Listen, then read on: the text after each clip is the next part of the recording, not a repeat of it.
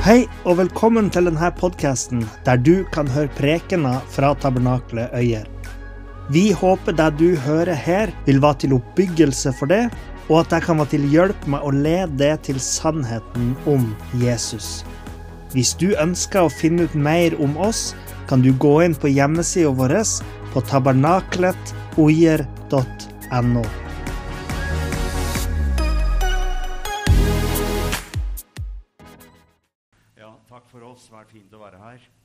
Det har vært fantastisk å være her.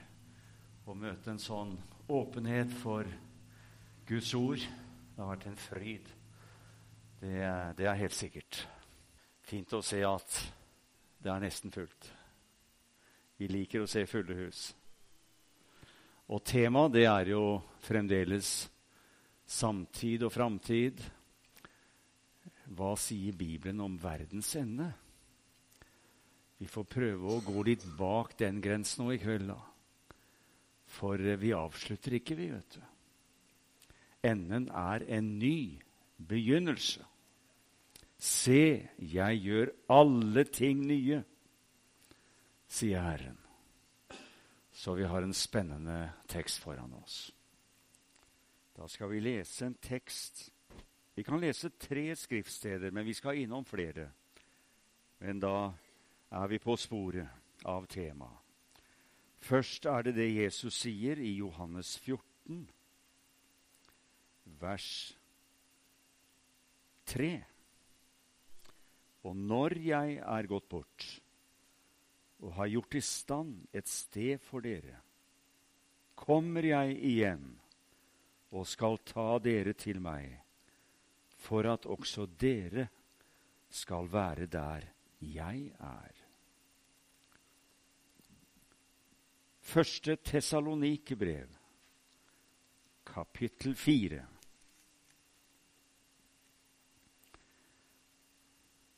Vers 13. Men vi vil ikke, brødre, at dere skal være uvitende om dem som er sovnet inn, for at dere ikke skal sørge som de andre, de som ikke har håp. For så sant vi tror at Jesus døde og sto opp, så skal Gud ved Jesus også føre dem som er sovnet inn, sammen med ham.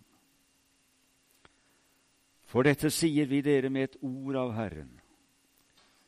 Vi som lever og blir tilbake inntil Herren kommer, skal aldeles ikke komme i forveien for dem som er sovnet inn. For Herren selv skal komme ned fra himmelen med et bydende rop, med overengels røst og med Guds basun.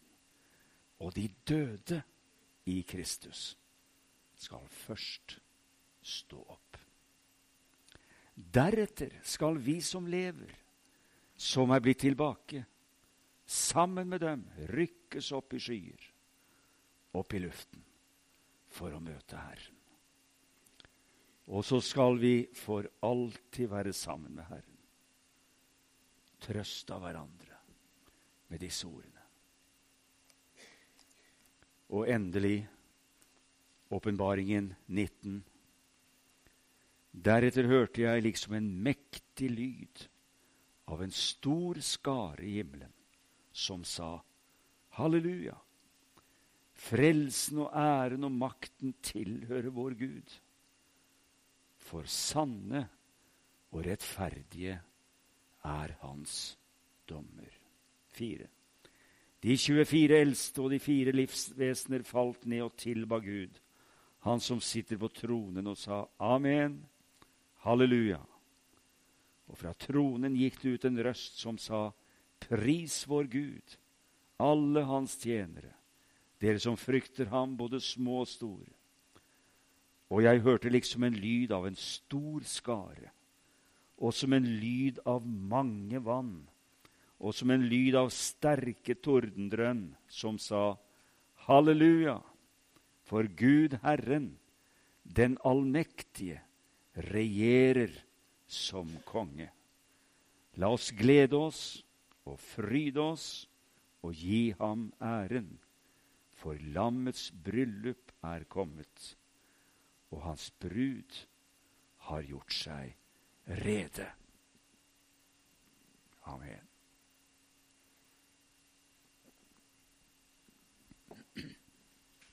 Ja, kjære Herre, en spennende tekst. Å, hvilken tekst for en predikant. Kjære Jesus, må du gå inn i ordet og forklare det for oss. Vi kjenner Den hellige ånds tyngde hviler over oss nå. Og takk for at ord og ånden korresponderer, taler samme språk. Og takk for at profeters ånder er profeter lydige. Og vi priser deg for disse to sporene som hjelper oss fremover ånden og ordet. Du skal tale til oss i kveld, og la oss fortsatt oppleve et mektig vekkelsesmøte. I Jesu navn. Amen. Det er Jesus som sier dette, det første jeg leste.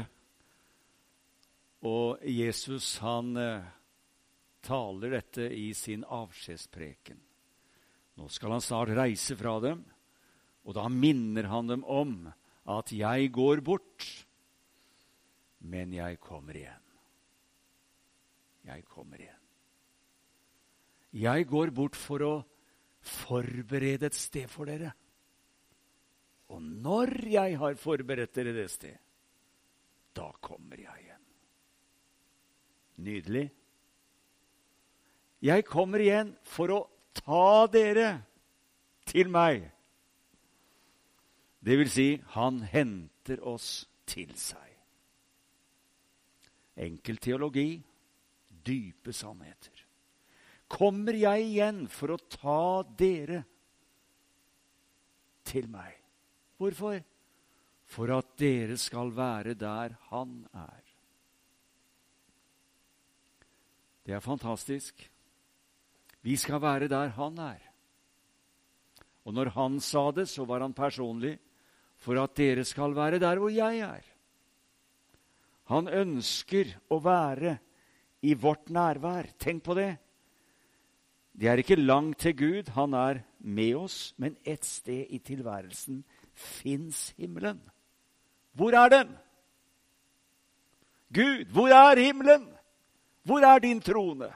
Et sted sitter du opphøyet på din trone.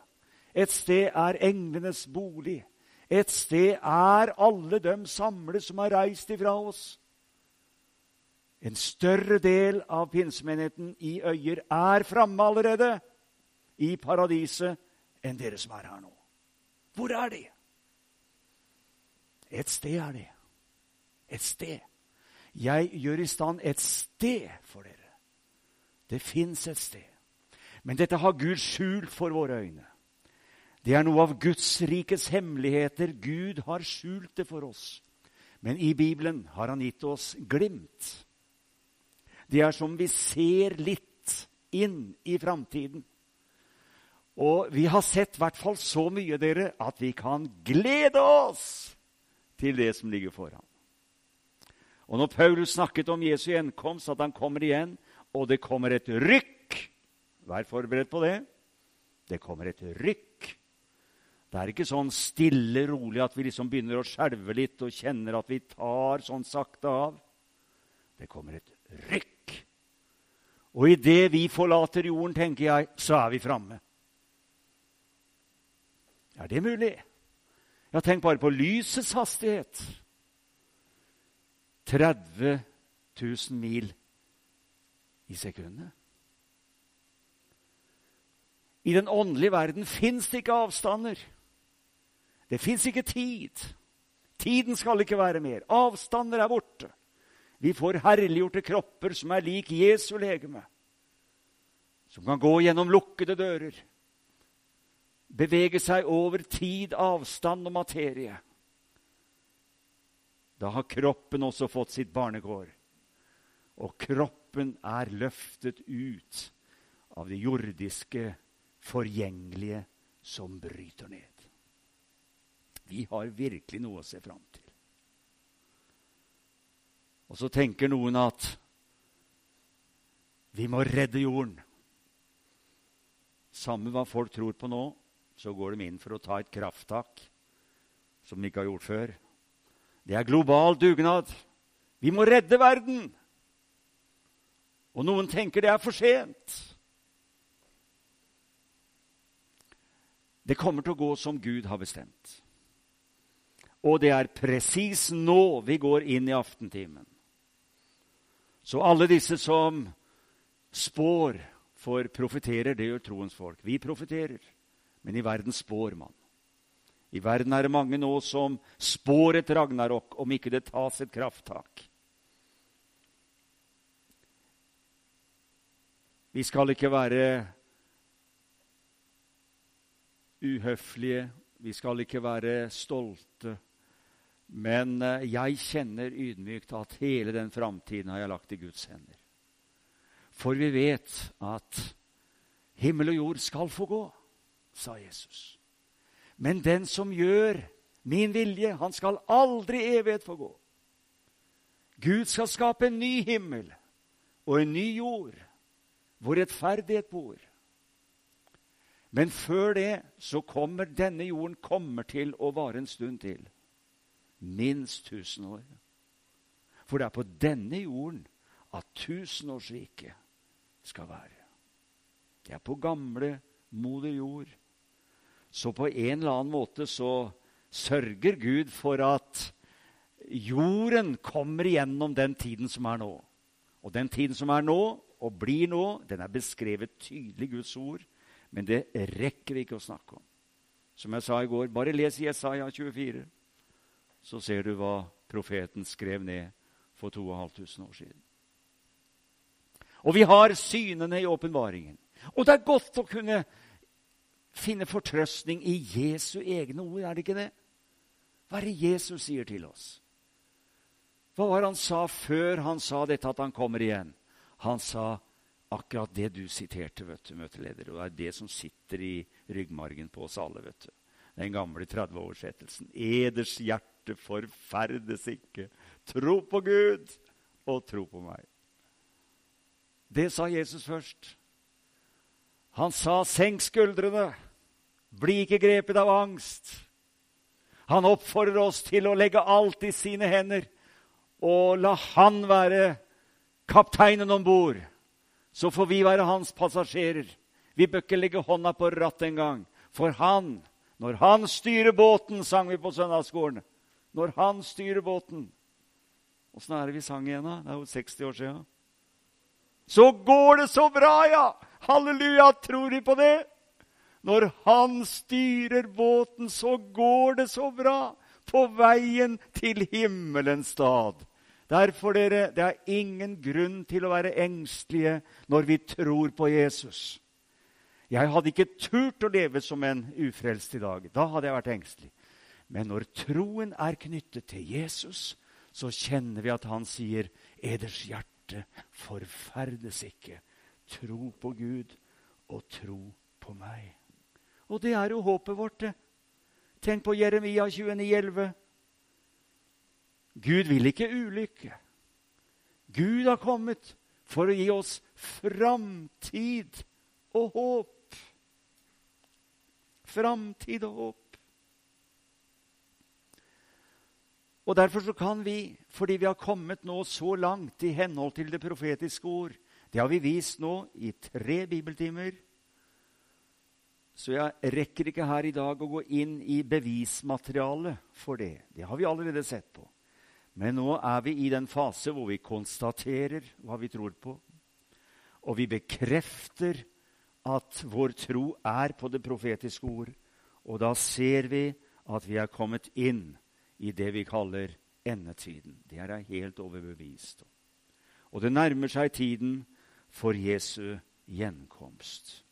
Og da leser vi jo i Bibelen at dette skal skje med hast. Det skal skje fort.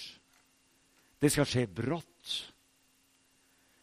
Når det står i Åpenbaringen 22,7 og 22,12 Se, jeg kommer snart så betyr snart at det skjer fort, brått, og det skjer at det ikke er lenge til. Det betyr også det. Og vi har jo en Gud som har åpenbart seg, ikke sant? men Gud har også noen hemmeligheter. Og disse hemmelighetene avdekker han etter hvert. F.eks. Kolosserne 2,3.: Guds hemmelighet er Kristus. Tenk på alle de menneskene som ennå ikke har sett det, og står utenfor fellesskapet med Jesus. Guds hemmelighet er Kristus. Kristus har også en hemmelighet. Kolosserne 1,27, Efeserne 3,3, Efeserne 3,9. Kristi hemmelighet er menigheten. Vi har sett betydningen av å være i en menighet. Ha åndelig fellesskap, tro sammen, be for hverandre. Oppleve velsignelsen i det å være sammen. Det har vi opplevd. Hvor viktig det er å be for hverandre, oppmuntre hverandre og ta del i det rike fellesskapet. Vi har oppdaget hva Kristi hemmelighet er. Det er menigheten. Nå må jeg utfordre dere som har gått på skolen for mange år siden. Kanskje ungdommen kan det òg. Hva er det resiproke pronomen? Du skjønner, Vi hadde så gode norsklærere vi, at grammatikken sitter i ryggraden ennå. Det er et veldig viktig ord med tanke på fellesskapet vi opplever. Det er veldig viktig å vite om det resiproke pronomen. Hva er det? Er det noe forslag her? Ingen tør å si det. Det gjør ikke noe om du sier feil. Men det resiproke pronomen Og grunnen til at jeg tar tak i det, det er noe som han Ingebrigt Sten Jensen skrev i boka si 'Sten i glasshus'. Det er et ordspråk i tittelen, som du skjønner. 'Sten i glasshus'. Og han forteller hele min klasse, sier han, tror jeg kan dette her etter 40 år på skolen. For vi hadde en norsklærer som, eh, som var så nøye, og han lærte oss disse begrepene, så dere har aldri glemt sånn. Jeg hadde glemt det, jeg innrømmer det, når jeg leste Sten. Men jeg har aldri glemt det etter at jeg leste Sten. Det resiproke pronomen, det er det vidunderlige bibelske ordet 'hverandre'. Hverandre. Vi ber for hverandre. Vi elsker hverandre. Vi takker Gud for hverandre. Vi oppmuntrer hverandre. Det er et ord som går igjen, ikke minst i Paulus' brever, hebreerbrevet. Oppgløder hverandre til gode gjerninger. Og Jeg nevner dette her fordi det hører med til å oppdage Guds rikes hemmeligheter.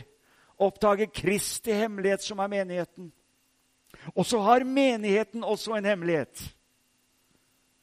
Her har du tre lag med hemmeligheter. Menighetens hemmelighet, hva er det? Først Korinterne 15, 51-52. Se, jeg sier dere en hemmelighet. Og den kan vi ta til oss. For når verden ikke skjønner hva som skjer, og når mange ute i verden tenker nå er det slutt, nå er døden kommet, og de som kaller seg ateister, de tror ikke på noe mer. Agnostikerne sier 'jeg vet ikke', 'Jeg vet ikke, jeg vet ikke hva jeg skal tro.' Men den troende sier, 'Jeg tror, og jeg vet.' Hva er det vi tror på? Hva er det Vi tror på? Vi tror bl.a. på Jesu ord i Johannes 11, 25, at den som tror på meg, han skal aldri i evighet dø. Og om han dør, så skal han dog leve. Når jeg forretter begravelse i Gjeler kapell nå på onsdag for fire dager siden, så leser jo forrettende prest, som jeg var da, opp hva som står på sløyfene på kransene. På tre av disse kransene sto det 'Vi møtes igjen'. Men er det mulig? Der satt det masse folk. Det var 230 i den begravelsen, ifølge kirketjeneren. Så det var en stor begravelse. Men det var en kristen som var gått bort fra sine. Og tenk, fra menigheten i Betania sto det 'Vi møtes igjen'. Fra et vennepar sto det 'Vi møtes igjen'. Og fra enda en slektning sto det 'Vi møtes igjen'. Er det mulig? Møtes vi der oppe? Og jeg husker en sang fra min barndom på 50-tallet. Mor og far hadde, da jeg var helt liten, sånn sveivegrammofon. Og den ble sveiva opp, og når det begynte å bli litt dårlig, da, så gikk det jo saktere og saktere. Og jeg husker en sang 'Møtes vi, møtes vi'. Og jeg spurte han far hva betyr det for seg at møtet skal svi seg. Jeg skjønte ikke hva sånne svidde møter var, og tenkte det var vel skikkelig varme vekkelsesmøter. Nei, det er ikke sånn, gutten min, sa han. Og så hørte jeg på plata, vet du. Møtes vi Og så var det lenge siden han var sveiva opp. Møtes vi Det var ikke så greit. Jo, sa far, det er ikke sånn, gutten min. Det er ikke møtet som skal svi, sa han. Men møtes vi? Møtes vi? Den sangen sto i gamle Maranata. Møtes vi en gang ved floden? Halleluja. Det finnes et sted der oppe, dere, og Gud har det beredt for oss. Og vi tenker hver gang noen dør i Jesu navn, så går de inn i evigheten. Men jeg tenker at de går ikke inn i selve storstua. Den er ikke helt klar, for da hadde Jesus vært her. Jeg går bort for å berede deres sted, og når jeg har beredt deres sted, da kommer jeg igjen. Men Bibelen gir navnet på den avdelingen i evigheten som våre kjære går til. Det kalles paradis. Paradis. Den første som fikk være med dit, det var røveren på korset. I dag skal du være med meg i paradis. Paulus han eh, sier han hadde en opplevelse i 2. Korinterne 12. Du kan lese om det i versene 1-7 der hvor han får høre at det er nok med Guds nåde, så sier han, 'Jeg hadde en opplevelse'. Jeg vet ikke om jeg var i kroppen eller utenfor. Altså Han visste ikke om han var levende eller død. Gud vet det. En som for 14 år siden ble rykket. Også da opplevde han rykket. Han ble rykket like inn i himmelen, i paradis. Jeg hørte ord. Jeg hørte ord som ikke var tillatt å tale. Det måtte være hellig. Disse ordene kunne ikke gå over menneskelepper, for han var på jorden, han hørte himmelske ord. Men eh, Paulus kom til live igjen. For 14 år før han sier dette, det skjedde for 14 år siden, så ble han stenet i Lystra. Og de slepte ham utenfor byen da de trodde han var død. Men plutselig står han opp, går inn i byen og preker videre. Men han hadde altså hatt en himmelopplevelse en himmelopplevelse. Og derfor sier han, av det lille han hadde opplevd i himmelen, kanskje noen minutter, så sier han i Filipperne 1.: Jeg vil heller være med Kristus. Det er mye herligere. Men å være her er nødvendig for deres skyld. Og derfor er for meg livet Kristus, men døden er en vinning. Det er klart dere, død Det er helt naturlig at man føler sorg og savn og tårer fordi vi er glad i dem som måtte forlate oss. Og til yngre de er, til verre er det, og større er tårefloden. Sånn har Gud skapt oss, og det er helt naturlig. Men da er trøsten vår at vi møtes igjen. Tenk på det. Vi møtes igjen. Vi møtes i Guds himmel, sier sangen. Vi møtes i Guds himmel. Og Derfor så sier Jesus at når han kommer igjen, så skal han ta oss til seg. Og Paulus han talte jo om, som du hørte i Tessalonikerbrevet, at de døde i Kristus de skal først oppstå. Altså Når han kommer igjen, så forestiller jeg meg ut ifra det som står skrevet, at eh, de døde i Kristus de står opp. Det står jo skrevet. De står opp i herliggjorte legemer. Der hvor de var lagt ned i jorden, der står de opp. Til og med havet gir tilbake sine, de som måtte drukne i havet. Tenk på det. Bibelen sier det. Og de står opp, herliggjorte, forvandlet. Det skjer fort. Det skjer i et øyeblikk. I ett nu. så fort som vi blunker. Et øyeblunk, et øyeblikk heter det. Vi blunker med øynene, men det heter et øyeblikk. Så fort skjer det. Og i det samme øyeblikk, deretter, i samme øyeblikk, står det, så skal vi som lever, forvandles. Det vil si, vi blir overkledt, 2. Korinterne 5, med vår bolig fra himmelen. Vi får på skyen vårt herlighetslegeme. For kjøtt og blod kan ikke arve Guds rike.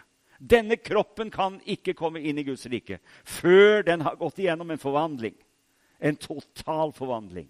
Og det er at den skal herliggjøres og bli lik Jesus.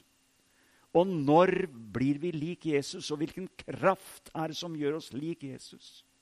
Jo, 1. Johannes 3,3.: Når vi ser ham som han er, da blir vi ham like.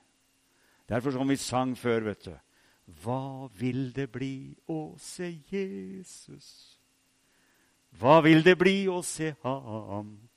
Altså, når vi ser ham, så er det sånn kraft i det øyeblikket at alle de hensovede hellige står først opp, får sine legemer, og vi som lever, blir forvandlet. Og sammen rykkes vi i skyer opp i luften for å møte Herren.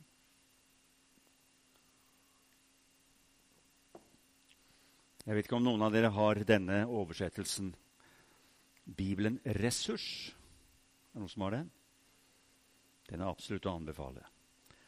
Den eh, tilhører den Bibelen med lysestaken, da, som er 88-oversettelsen. Og jeg fikk et oppdrag, et spørsmål, om å oversette Johannes' åpenbaring. Det er masse kommentarer. Veldig glimrende kommentar. Fra engelsk til norsk. Og det falt sammen med en møteserie jeg hadde i Egersund. Jeg måtte skynde meg, for jeg hadde kort tid. Og jeg sa til forstanderen der når jeg kommer, så må jeg booke inn på et hotell. Jeg trenger bare å være alene, for jeg må jobbe med den oversettelsen. Og jeg gjorde det. Og når jeg kommer fra pinsemenigheten i Egersund og skal inn på Grand Hotell en lørdagskveld, så møter jeg to-tre høyreiste, flotte menn på trappa. Og det var full rulle inn på hotellet og full fest. Og så kommer de imot meg. De hadde vel kanskje tatt seg et eller annet å drikke, tenker jeg, som gjorde dem litt frimodige. 'Hei, du!' roper de på meg. Og jeg kommer sånn med Bibelen. 'Hei, du! Har du noe under armen, eller?' 'Ja, se, jeg, jeg kommer fra et møte.' 'Kommer fra møte?' 'Ja, jeg er predikant denne helga, nede i pinsemenigheten, og jeg bærer Bibelen her.' 'Å, har du vært i pinsemenigheten?' 'Ja, der har vi gått på søndagsskole.' Men du skjønner det at nå har vi fest på hotellet, sånn. Og her er full fest. sånn. Vi har med damene våre, og vi feirer.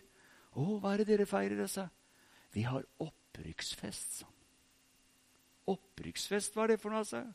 Jeg gjorde meg litt om, men jeg er veldig fotballinteressert, så jeg skjønte jo hvor de var. vet du. Jo, vi har vunnet serien, sa han.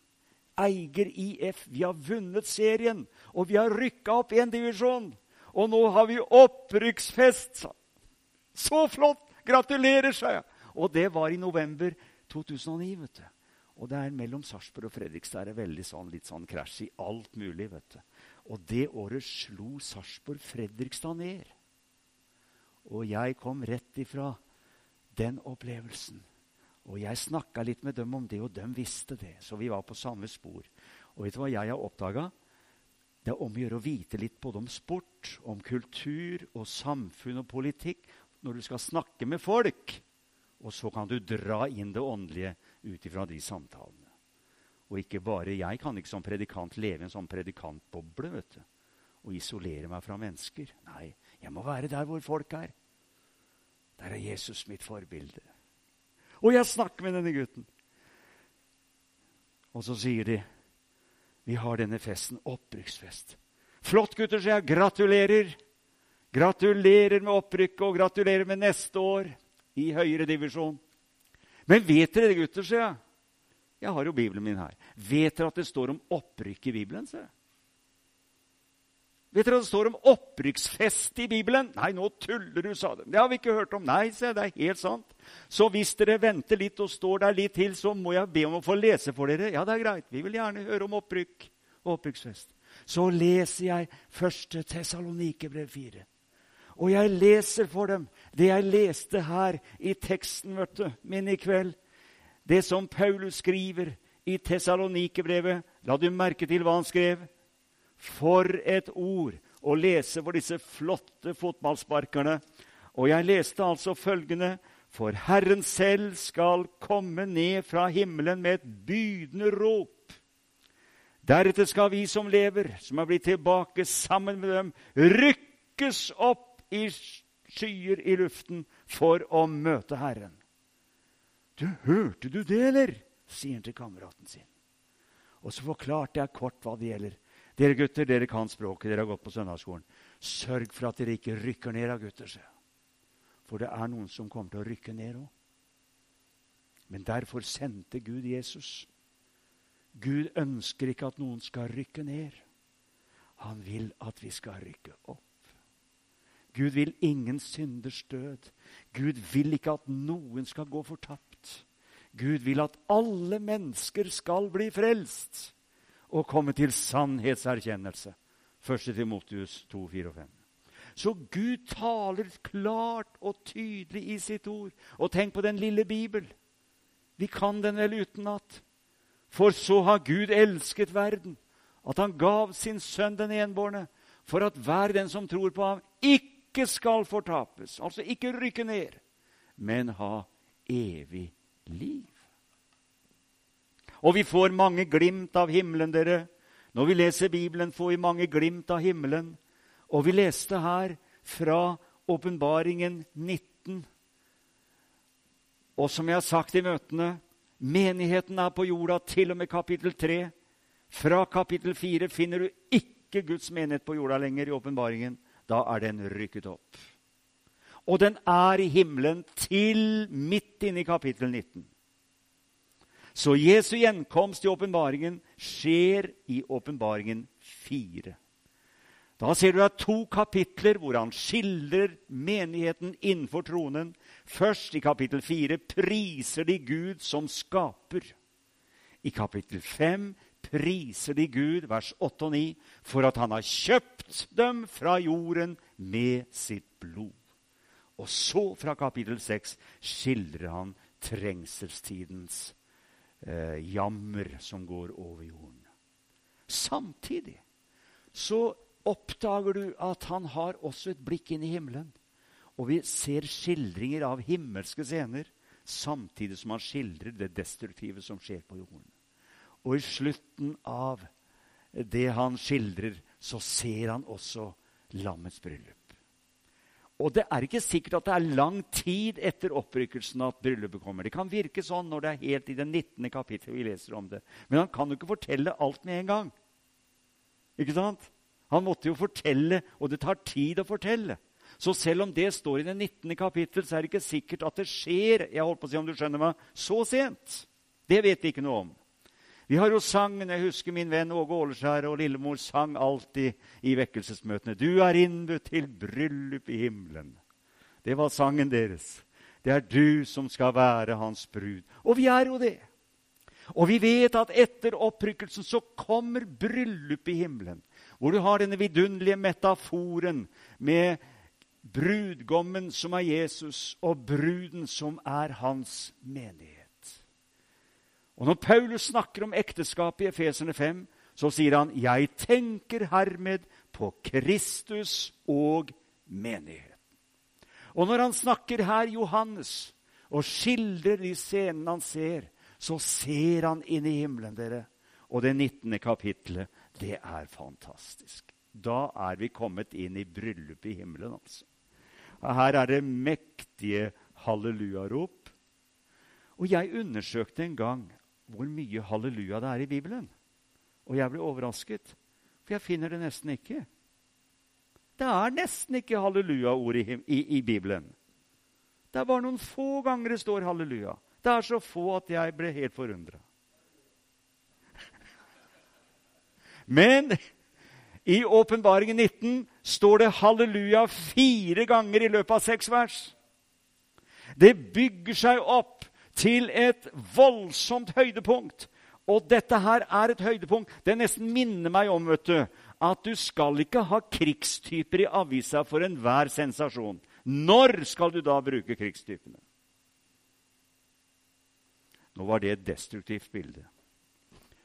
Men det er når de er de helt store begivenhetene, da bruker vi de største ordene. Og det herligste ordet som lovpriser Gud, det er jo nettopp halleluja. Halleluja. Det betyr lov Herren. Pris Herren. Halleluja. Og her ser du at det kommer et hallelujarop i vers 1. Og det kommer fra en stor skare i himmelen. Vi blir ikke få, skjønner du. Vi blir mange. Vi blir mange. En stor skare. Og denne skaren her, den, den roper et mektig rop. Halleluja. Frelsen og æren og makten tilhører vår Gud. Og de roper halleluja. Og igjen så ser vi også livsvesenet og de eldste i vers 4 som et bilde på de gjenløste. Og igjen så roper de amen, halleluja. Og det er en brus av lovprisning her, som stiger opp til ham som sitter på tronen. Det kommer igjen for fjerde gang i vers 6. Halleluja, for Gud Herren, den allmektige, regjerer som konge. La oss glede oss og fryde oss, for lammets bryllup er kommet. Og hans brud har gjort seg rede. Halleluja. Ja, det skjedde noe mer nede i Egersund. Dagen etter at jeg hadde kommet med Bibelen, så er jeg ute på en joggetur. Og jeg springer oppover litt utenfor byen. Slak stigning. Og jeg snur oppe og kommer tilbake og legger merke til to små gutter som leker ute i haven der. Det var veldig stille. Det virka som om hele byen hadde dratt til byen. Men i dette boligområdet var det så stille. Men jeg hørte disse guttene lekte. Og når jeg springer nedover De ser ikke meg. Når jeg springer nedover, så hører jeg en av dem begynner å synge. Vet du hva han sang? Dette her var i november. Det, var, det er jo da man rykker opp, vet du. Så dette var like før jul. Så jeg tenker kanskje han hadde musikkinteresserte foreldre som nettopp hadde spilt en plate eller hørt på radio nå når det nærmer seg jul. For plutselig synger gutten med høy og klar guttestemme Halleluja! Oi, tenkte jeg. Og jeg ser disse to guttene. Og så synger de videre. Halleluja, halleluja, halleluja. Og er langt inn i Hendels Messias og halleluja-koret. Og jeg stopper opp. Hei, gutter! Og de titta forskrekka. Det var jo ingen som skulle ha hørt dem. vet du. Så flott å høre dere synger, gutter! Vet dere hva dere synger? De sto helt sånn forstena. Svarte meg ikke engang, men kanskje de var litt småflaue. For de var nok en 10-11 år hvor den der flauheten begynner å komme. vet du. Dere synger at dere skal prise Gud i himmelen. Altså Det halleluja betyr at dere sier at Gud er stor, og at Gud er mektig. Dere priser Gud når dere sier halleluja. Flott, gutter. Fortsett med det, sa jeg. Fortsett å synge halleluja. Og så sprang jeg videre. Du, De rikka seg ikke før jeg hadde runda gatehjørnet 300 meter lenger ned. Sto helt forstena og har kanskje aldri glemt den rare mannen med det hvite håret som var ute og sprang og sa så mye rart. Men jeg tenker, jeg tenker halleluja. Og det er så mange i Norge som vet. Og det er så mange som har hørt. Å, Gud i himmelen, sankte min, sankte min. Mens vi venter dere, så er ikke vi passive. Fordi det haster og Jesus kommer snart, så er vi aktive. Det er derfor dere inviterer til møter, har møteserier, virker for barna, har ungdomsledere, har pastorpar, setter menigheten i funksjon. Vi ønsker å tjene Herren helt til Han kommer. Nei, dette passiviserer oss ikke. Det gjør oss aktive. Og når pinsevekkelsen kom, så eh, talte de mye om Jesu gjenkomst. Ja, men tok de feil? Det er jo 100 år siden. Det er ikke snakk om å ta feil. Det er bibelsk og normalt for en levende kristen til enhver tid å leve i forventning av Herrens komme. Det er normalt. Vi leste i går, og jeg kan gjenta det nå i 1. Tessalonikerne 1.10, at vi skal vente på Hans Sønns komme fra himmelen. Men som sagt, ikke være passive. Ikke trekke oss tilbake og bli merkverdige. Men være midt iblant folk, men ha forventningen i våre hjerter. Jeg sier til ungdommene lev som om man kommer om 100 år. På den måten at dere tenker utdannelse, stifte hjem. Akkurat som Herren sa til jødene i Babel, Jeremia 29. Få dere ektefeller, få dere familie, få dere hus og plant hage. Men vit at her har dere ikke det blivende sted. Som jeg sa i går, Luther sa hvis jeg visste at Herren kom i morgen, så ville jeg plante et epletre i dag. Altså, det ligger noe der. Vi planlegger, men vi må ta med i planleggingen at plutselig kommer Herren. Vi vet ikke når han kommer, men vi vet at han kommer snart. Gud være takk, så mektig. Og vi vet at han har beredt noe for oss som er himmelsk herlig. Vi skal se ham som han er. Vi skal få oppleve hans nærvær. Gud er mektig. Og jeg tror dere at i vår tid er det en del mennesker som er bekymret og tenker hvordan går det med moder jord? Hvordan blir livet fremover? Og hvor godt det er å kunne ha svarene, tenker jeg. Vet dere at jeg er så heldig hjemme i Sarpsborg at jeg får skrive en artikkel i avisa hjemme som leses av 40 000 mennesker. Hver lørdag så får Terje skrive en artikkel, en kristen artikkel med 800 ord. Det er mer enn én en avisside når det er et stort bilde som illustrerer hva jeg skriver. Det har jeg gjort hver lørdag i 19 år hver lørdag i 19 år. Snart skrevet 1000 artikler. Og det er Jesus det handler om. Forskjellige sider ved troen. Og For noen år siden så brukte jeg noen sitater fra Jon Michelets romaner om krigsseilerne. Jeg har lest alle seks. Det er sterk litteratur. Og han har med egentlig mer om kristen tro enn du kunne tenke på forhånd. Han som ga seg ut for å være ateist, Jon Michelet. Fra Rygge i Østfold, bare kvarter unna oss i Tune. Han får tilsendt et utklipp av avisa hvor jeg siterer noe av det han har skrevet. Og jeg åndeliggjør det. Jeg bruker en metafor. Han snakker om den store Kristus-skikkelsen. Han har vært sjømann, vet du, nede i Rio de Janeiro. Og jeg skriver der om, om Kristus. Og så leser Jon Michelet dette her. Og dette kan jeg si, for det sa han at jeg kunne si. Det er ikke lukket sjelesorg. Han har til og med skrevet om noe lignende i en bok som heter Brev fra de kristne. Og en vakker dag så ringer telefonen.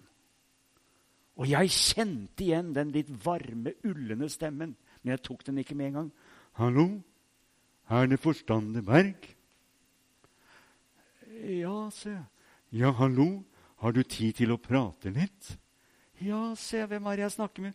'Det er forfatter Jon Michelet.'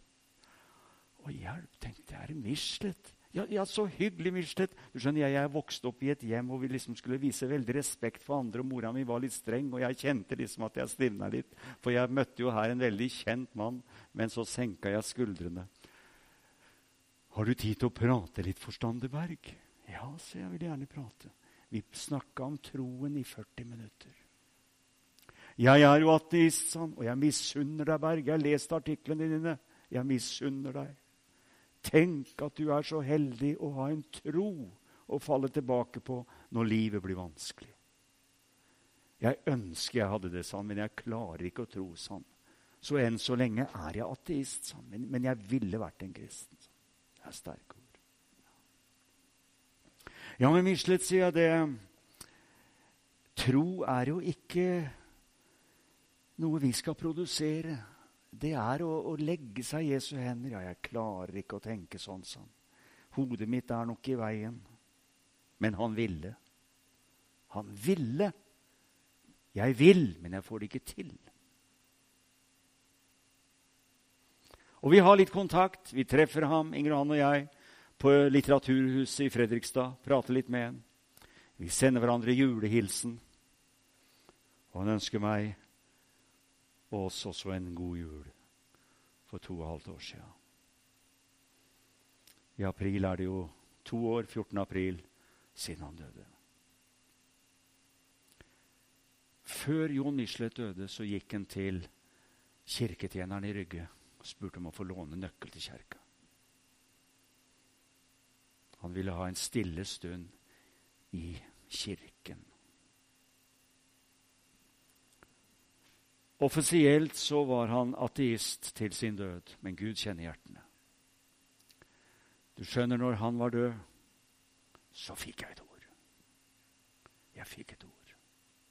Jeg fikk et ord fra det siste kapitlet i Bibelen fra åpenbaringen 22, 14. For det handlet om en som ville, men som ikke syntes han klarte. Da fikk jeg et ord. Jeg sa til Inger Anne jeg har fått et ord. Jeg tror han er hjemme hos Gud, sa jeg. Gud ser til hjertene. Jeg fikk åpenbaringen 22, 17. Og ånden og bruden sier 'kom'. Og den som hører det, la ham si 'kom'. Og den som tørster, han får komme. Og den som vil, han får ta livets vann uforskyldt. Han ville. Den som vil. Så stor er Guds nåde at fins det en vilje der, også hos mennesker som sier 'jeg klarer ikke å tro'. Hva er tro? Det er et ord vi har satt på noe åndelig som skjer i hjertet. Han ville! Og så leser jeg om hans datter, som også sto fram på TV, om noen så det, året etterpå. Hans datter som bor i Moss, som sier på TV lørdag kveld i beste sendetid Jeg har vært en hemmelig kristen hele livet. Jeg har ikke turt å si det til pappa. Har ikke turt å si det. Men nå står jeg fram. Jeg har trodd på Jesus hele livet. Nå vil jeg bekjenne det for dere. Og det var ettårsdagen for hans død, 14. april. Dagen etterpå skulle hun være med å tale i Sarpsborg frikirke. Jeg har aldri møtt henne. Jeg går ute på Hvaler sammen med Inger Ane. Spaserer med mobiltelefonen i hånda, finner fram nummeret til henne i Moss og ringer. For dette måtte jeg fortelle henne. Ja, det er Michelet. Vær så god. Ja, det er Terje Berg. Jeg er predikant. Har du tid til å prate litt? Ja, vær så god. Du skjønner, jeg hadde god kontakt med din far, og jeg vet at han hadde et anstrengt forhold til det å tro, men at han ville tro. Og vi prater litt frem og tilbake. Og så sier jeg, 'Du, jeg fikk et ord ved din fars bortgang.'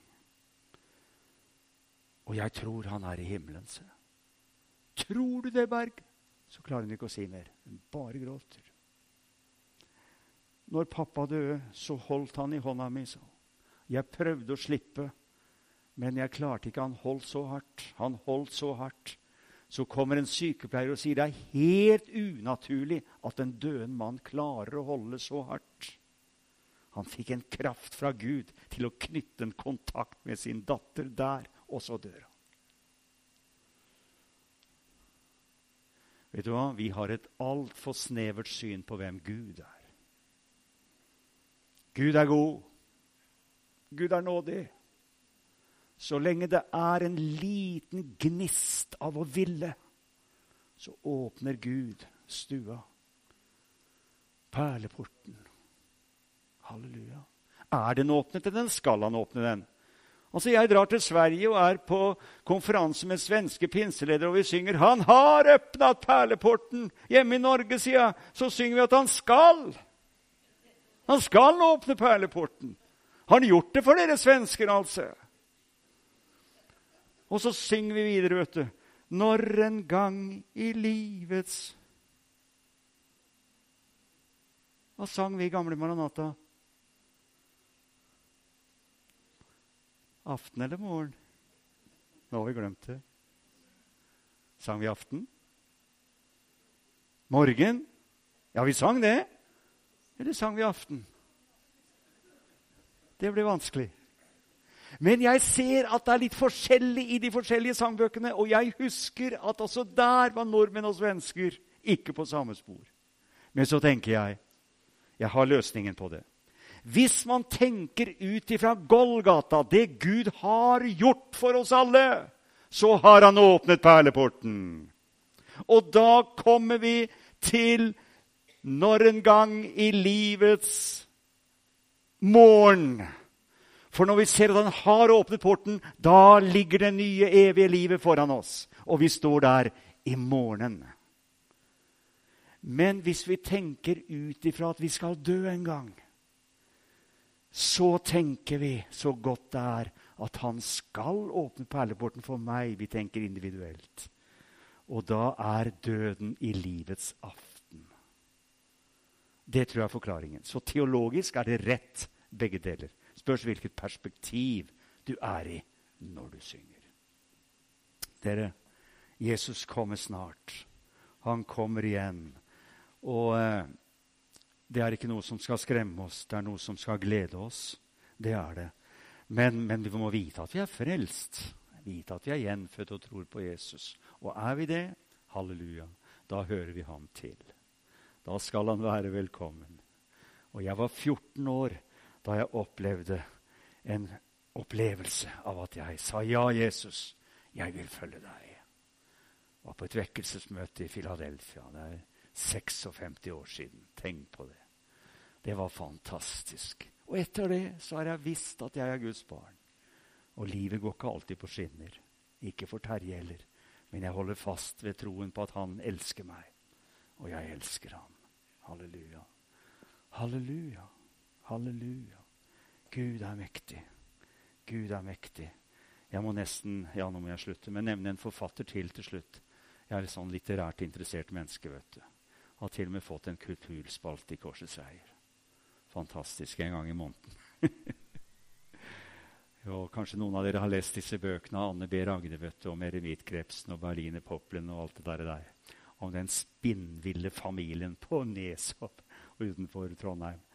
Det er morsom litteratur og koselig litteratur å kose seg litt med. Jeg har lest alle de seks bøkene. Og det er jo så mye Jesus i bøkene hennes. Jeg ble overraska av bibelsteder og kristne personer. Og, så jeg er helt overveldet og trodde liksom ikke hun var der. vet du. Høre på hun, munnen går jo i ett når hun prater, men kan jo være kristen for det. Men ja, noen er jo bare sånn. Så ja, dere skjønner hva jeg mener. Det er liksom, eh, Og kan jo ha et vokabular også som liksom ikke avspeiler troen. Så det var det jeg egentlig mente å si. og så tenkte jeg jeg må, jeg, jeg må ringe Ragde. tenkte Jeg Jeg må ringe Ragde og høre om hun er kristen. For den tredje boka heter jo 'Ligge i grønne enger'. Det er jo Salme 23. Og neste bok heter 'Tilgivelse', et hovedord i vår tro. Og jeg, jeg finner ikke Du vet, sånne personligheter lar ikke nummeret ligge vet ute. Så jeg ringer forlaget, og så sier en dame høytidelig hvem kan jeg melde? Jeg skjønte liksom ikke med en gang. Jeg tenker på SMS og meldinger. Og jo, det er, det er en forstander jeg, som er glad i bøkene hennes. Så er det mulig å få snakke med Ragde. Hun er nå på, en, på en, et kulturarrangement i Nord-Norge, men jeg skal melde dem, Berg. Det var veldig høytidelig. Og hvis hun eh, er interessert, så ringer hun dem. Ja, det går bare noen minutter. Så ringer hun. 'Hallo, det er Anne B. Ragde.' Ja, sier. Hei, det er Terje Berg. Jeg er predikant. og Jeg har brukt uh, bøkene dine en del. Jeg skriver hver lørdag. Jeg er jo kristen, da. Og, Og jeg ser at du skriver så mye om kristen tro og overrasker meg egentlig. Så jeg bare lurte på, Ragde, om du er en personlig kristen? Jeg ble litt stille med en gang. Jeg er nok kanskje ikke sånn kristen som du er som pastor, og som du tenker så, men jeg ønsker jo at Norge bevarer jeg holdt på å si en kristen formålsparagraf. Vil si at Norge fortsetter å være et kristent land. Det ønsker jeg.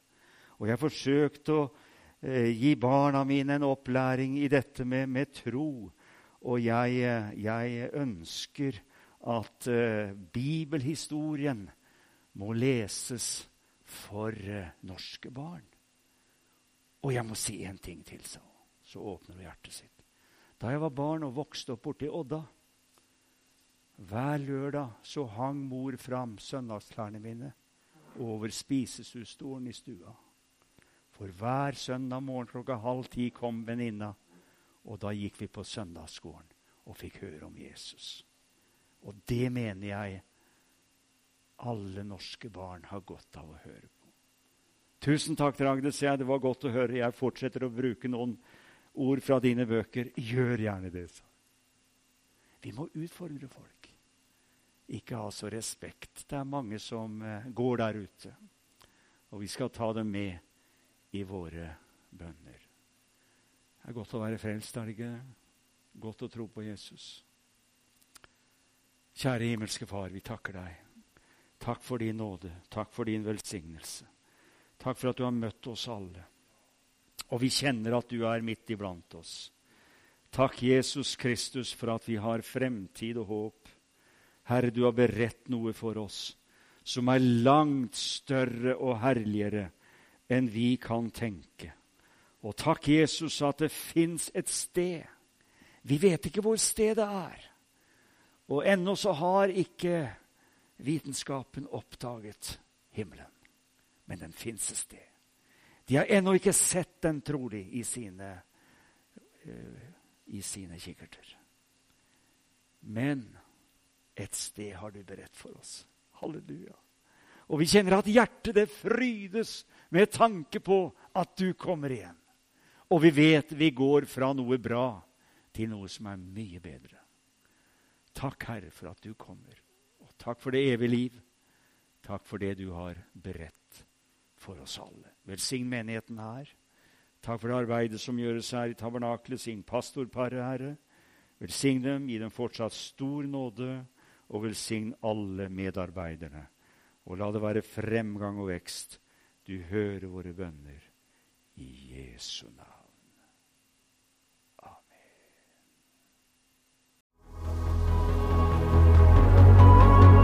Takk for at du hørte på. Hvis du tok et steg i tro i dag, eller du har noe du ønsker forbønn for, så vil vi gjerne høre ifra det via e-postadressen kontakt alfakrølltabernakletogjer.no. Du er òg velkommen til våre ukentlige gudstjenester i menighetslokalet i Haugskutua 5 26 36 Øyer.